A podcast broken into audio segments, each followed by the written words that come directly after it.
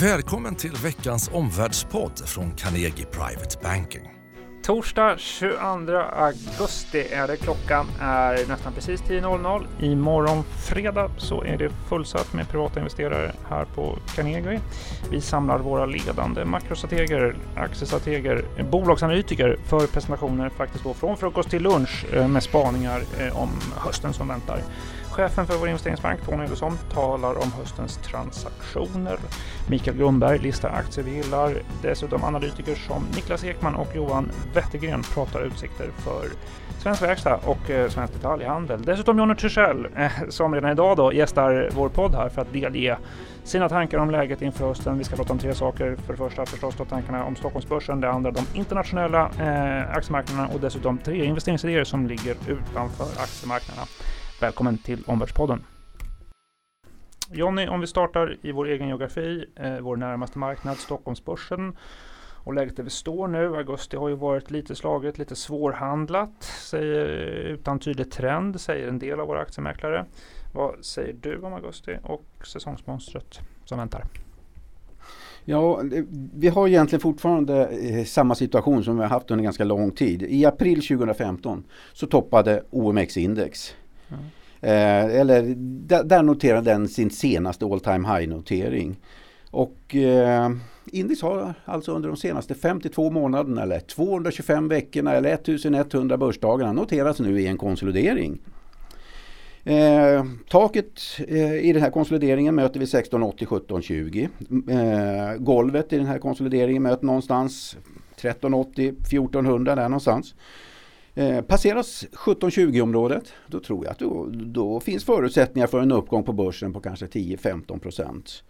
Eh, får vi istället en rörelse under stödområdet kanske vi kan sikta ner mot en 12-30 eh, området, det vill säga mot de bottnarna som träffas någonstans runt 2016 och i oktober 2014. Mm.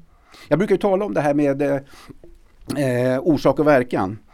Att eh, ju större orsak desto större verkan. Det vill säga ju större konsolideringar desto större trendrörelse brukar vi få. Nu har vi alltså haft en väldigt stor orsak. Nu ska det bli spännande att se vad vi får för verkan på det här. Mm, detta om läget, vad, hur skulle du kommentera säsongsmönstret som väntar? Eh, säsongsmönstret brukar vara ganska rörigt under hösten. Mm. Eh, gör man en test till exempel, man köper OMX-index ungefär nu, säljer 30 börsdagar senare. Eh, så har index i genomsnitt under de senaste 32 åren gått upp i 50 av fallen. Men det genomsnittliga avkastningen under de här 32 åren det har varit en nedgång med en, nästan 1,4 procent. Mm. Eh, tittar man på den genomsnittliga positiva avkastningen, det vill säga alla 16 positiva eh, utfall så visar det en uppgång med 4,3 procent. Vilket då naturligtvis är ganska bra. Mm. Men om man tittar då på de 16 tillfällena när index har gått ner under de senaste 32 åren och, och tittar då på genomsnittet, då har det gått ner med 7 procent. Mm, det kan vara svängigt. Så det, precis, det är jätterörigt. Just det. Du är tillbaka på jobbet nu. Du sitter i anslutning till vårt mäklarbord förstås. Du har tre stycken skärmar framför dig. Eh, nu är du tillbaka. Vad är det särskilt som du har ögonen på nu? Eh, det är naturligtvis marknaden i stort. Då. Eh, jag tittar på bredden på USA-börsen, eh, hastigheten på USA-börsen och sen och naturligtvis de här gigantiska konsolideringarna som har bildats under de fyra, senaste fyra åren då på de europeiska börserna. Mm. Som förr eller senare kommer leda till någonting eh, spännande. Mm. Från sommaren, vad, vad, vad, tar du med dig från eh, rapportsäsongen? Vilka marknadsreaktioner på rapporterna eh, har varit viktiga att notera tycker du? Ja, men jag tycker vi har haft en ganska rörig bild. Eh, mm. Typiskt eh, konsolideringsbeteende. Eh, det vill säga varken positivt eller negativt. Och det är det som egentligen det är det som utmärker konsolideringar. Eh, osäkerhet. Mm. I den här osäkerheten har du tidigare pekat på att du tittar mycket på det som kallas för ett glidande medeltal på, på 12 månader för att bedöma eh, börsklimatet. Ehm, för att hamna rätt och när vi är inne i en långsiktig konsolidering, trenden är platt, vad, vad kompletterar du det här glidande medeltalet med? Det här är en fråga som jag fått från lyssnare i digitala kanaler. Ja, Ja, bra fråga. Eh, när, för när vi har starka eller när vi har positiva trender då tenderar index att befinna sig över det här 12 månaders glidande medeltalet. När vi befinner oss i fallande trender, ja men då har vi ganska långa perioder när index befinner sig under medeltalet. Det vill säga den sätter trenden. Men vad händer då när det går sidlänges som det har gjort nu under de senaste fyra åren? Ja men då får vi falska signaler. Det bryter ut upp över medeltalet, det bryter ut ner under medeltalet och håller på att fladdra sådär. Så där har man ingen nytta av den metoden. Mm. Så vad gör man då istället? Jo, jag, tittar, jag går tillbaka till den traditionella tekniska analysen och tittar då på olika geometriska figureringar. Till exempel som vi har nu på eh, OMX-index, en stor gigantisk eh, triangelformation. När vi får utbrottet ur den där triangelformationen då kan vi eh, då går vi in i en ny, ny typ av trend. Mm. Och då kommer de här trendande verktygen då som glidande medeltalet på 12 månader eh, ju är. Då kommer de till användning. Mm om, om man då, vi ska ju naturligtvis prata mer om det här imorgon på våra seminarier här, men din bedömning framåt, vilket humör kommer dominera investerarna på Stockholmsbörsen un, under hösten? Vilken, vilken utveckling ser du framför dig? Jag fick ju signaler här, jag kom ju tillbaka min första dag här var nu i måndags. Mm. Eh, och då fick jag, såg jag signaler då på att Stockholmsbörsen borde upp under kanske 3 till 5 veckor eller någonting sånt. Kanske, säg kanske 5 till 7 procent. Så det kommer vara min utgångspunkt här nu kortsiktigt. Mm. Eh, givet, givet den bedömningen, så att säga, finns det någon utveckling på Stockholmsbörsen som skulle överraska dig under hösten? Ja, eh, det jag håller ögonen på det är då eh, förra veckans lägsta nivåer. Skulle OMX punktera eh, den nivån, till exempel då 1480 och samtidigt som S&P då eh, skulle punktera 2820 området, eh, då tror jag att vi kan få en liten ökad nervositet hos placerarna. Mm. Vilket då skulle kunna leda till lite fortsatta nedgångar. Så förra veckans lägsta nivå? Ja, så det är det jag håller ögonen på. Men fram till dess det sker mm. så blir det ändå huvudscenariot, det vill säga den här uppgångs Intressant uppgångsscenario. Och om du skulle välja särskilt starka sektorer i detta, vilka väljer du?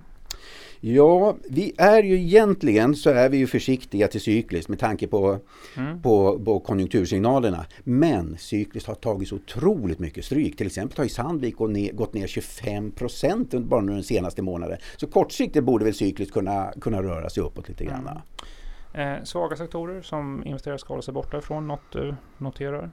Ja, igen, på lång sikt så är det ju cykliskt. Men eh, på kort sikt så tror vi, på, tror vi ju på den sektorn just därför att det har tagit alldeles för mycket stryk. Men annars är vi lite försiktiga eh, till, till cykliskt på lite längre sikt. Mm, just det, så det, är, det, blir, det blir verkstad höll på att säga i, som svar på båda frågor då. Fast det är kort och lång sikt. Mm, precis. Eller, ja. Du, om du kort skulle summera din bedömning uh, av hösten på Stockholmsbörsen, hur, hur, lyder, hur lyder det omdömet? Ja, turbulent. Turbulent är ja. ett ord. Ja, vi nöjer oss med det. Eh, så kommer vi prata mer om det här imorgon. Vi går vidare, pratar globala trenderna. Eh, det är ju frågor som vi också tittar på här i huset, huset och prövar varje dag här. Eh, om du gör en liten global utblick då du följer marknaderna i både USA och Europa och också Asien förstås. Då. Vilken, vilken börs tycker du ser starkast ut av de du bevakar? Ja, det är ju USA-börsen som ser eh, tydligt starkast ut. Mm. Eh, men det blev ju en hel del med, eh, vad ska man säga, medial uppståndelse här under förra veckan då när vi fick en inverterad yieldkurva. Det har ingen missat. Nej. Nej, precis. Det vill säga då avkastningen då på tvååringen överskred avkastningen på tioåringen då. Och då kunde vi bland annat läsa då att eh, den här inverterade yieldkurvan då har föregått de senaste sju recessionerna. Eh, det vill säga alla recessioner då sedan 60-talet eh, egentligen. Mm. Men vad man ska inte få glömma bort här det är ju att de här kan ta tid på sig. Eh, vi behöver inte ha en björnmarknad framför oss omedelbart när det här sker. Senast vi fick här, en sån här inverterad J-kurva det var ju i december 2005. Och börsen fortsatte ju upp nästan två år till efter det. det. Fram till oktober då, eh, 07. Mm. Eh, om, om, du skulle ha kort kommentar på det, hur tycker du S&P ser ut just nu? Ja, index befinner sig fortfarande i en långsiktig bull market, egentligen då sedan botten 2016. Mm. Eh, vad vi börjar se dock, det är vissa negativa hastighetsdivergenser, det vill säga när det går upp så går det upp långsammare än vad det gjorde vid den förra uppgången. Och det här kan vara lite varningssignaler. Men än så länge vi har inga säljsignaler i USA och så länge vi inte har det så eh, så blir utgångspunkten ändå ett svagt positivt eh, grundscenario. Då. Mm. Eh, men när det gäller de här recessionssignalerna som vi då, den här yieldkurvan då indikerar. Så jag tror inte att vi kommer att få någon recession i USA förrän vi börjar få säljsignaler på börsen. Normalt sett brukar ju börsen leda. Det är det som är den led, verkligt ledande indikatorn i ja, den tekniska analysen. Precis. Hur det, eh, politik har ju påverkat, påverkat Wall Street eh, under sommaren får man ju verkligen säga. Hur, vad, hur, hur tycker du amerikanska marknaden har reagerat på den amerikanska presidentens Twitter under sommaren med attackerna på Fed?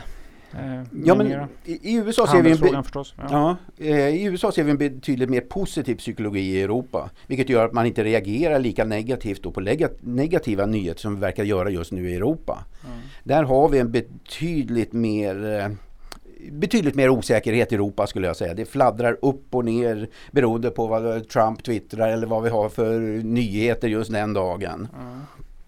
För det är ju så här att i en optimistisk marknad så vet vi att placerarna viktar ner negativa nyheter och fokuserar på det positiva och omvänt då en bear-marknad. Nu fladdrar det upp och ner och det finns, det finns helt enkelt ingen övertygelse. Så Trump-twittret sänker Europabörserna mer än vad man eh, rubbar eh, ja, marknaden? Det, jag, jag vet inte om det är just, eh, just Trump-twittrandet som sänker Europabörserna. Men, reaktionen, men, men reaktionen i alla fall. Ja. Hörru du, eh, USA starkast säger du. Eh, de svagaste aktiemarknaderna just eh, nu? Eh, det, av det jag av bevakar. De, av de som du följer? Precis. Ja, så är det Spanien och Italien som ser eh, riktigt svaga ut just nu. Olivländerna? Yes. Eh, tittar vi mer på Europa, vad gör du för noteringar där? Tyskland har ju varit eh, ett visst makrofokus på eh, med recessionsoro. Vad, vad, vad säger styrkan i dags? Ja, eh, överlag i Europa så befinner sig eh, det är samma läge som i, i OMX-index. Mm. Det vill säga vi har eh, befunnit oss i konsolideringar sedan i april 2015 i stort sett med vissa undantag. Mm. Och vi vet ju att börsen rör sig i de här cyklerna. Den rör sig i, eh, från eh, trendformationer, då, trendrörelser till konsolideringar. Eh, och nu har vi haft en konsolidering under väldigt lång tid och så nu ska det bli väldigt spännande att se vad, vad vi får för rörelser ur de här konsolideringarna. Förr eller senare måste vi få de här rörelserna. Just det.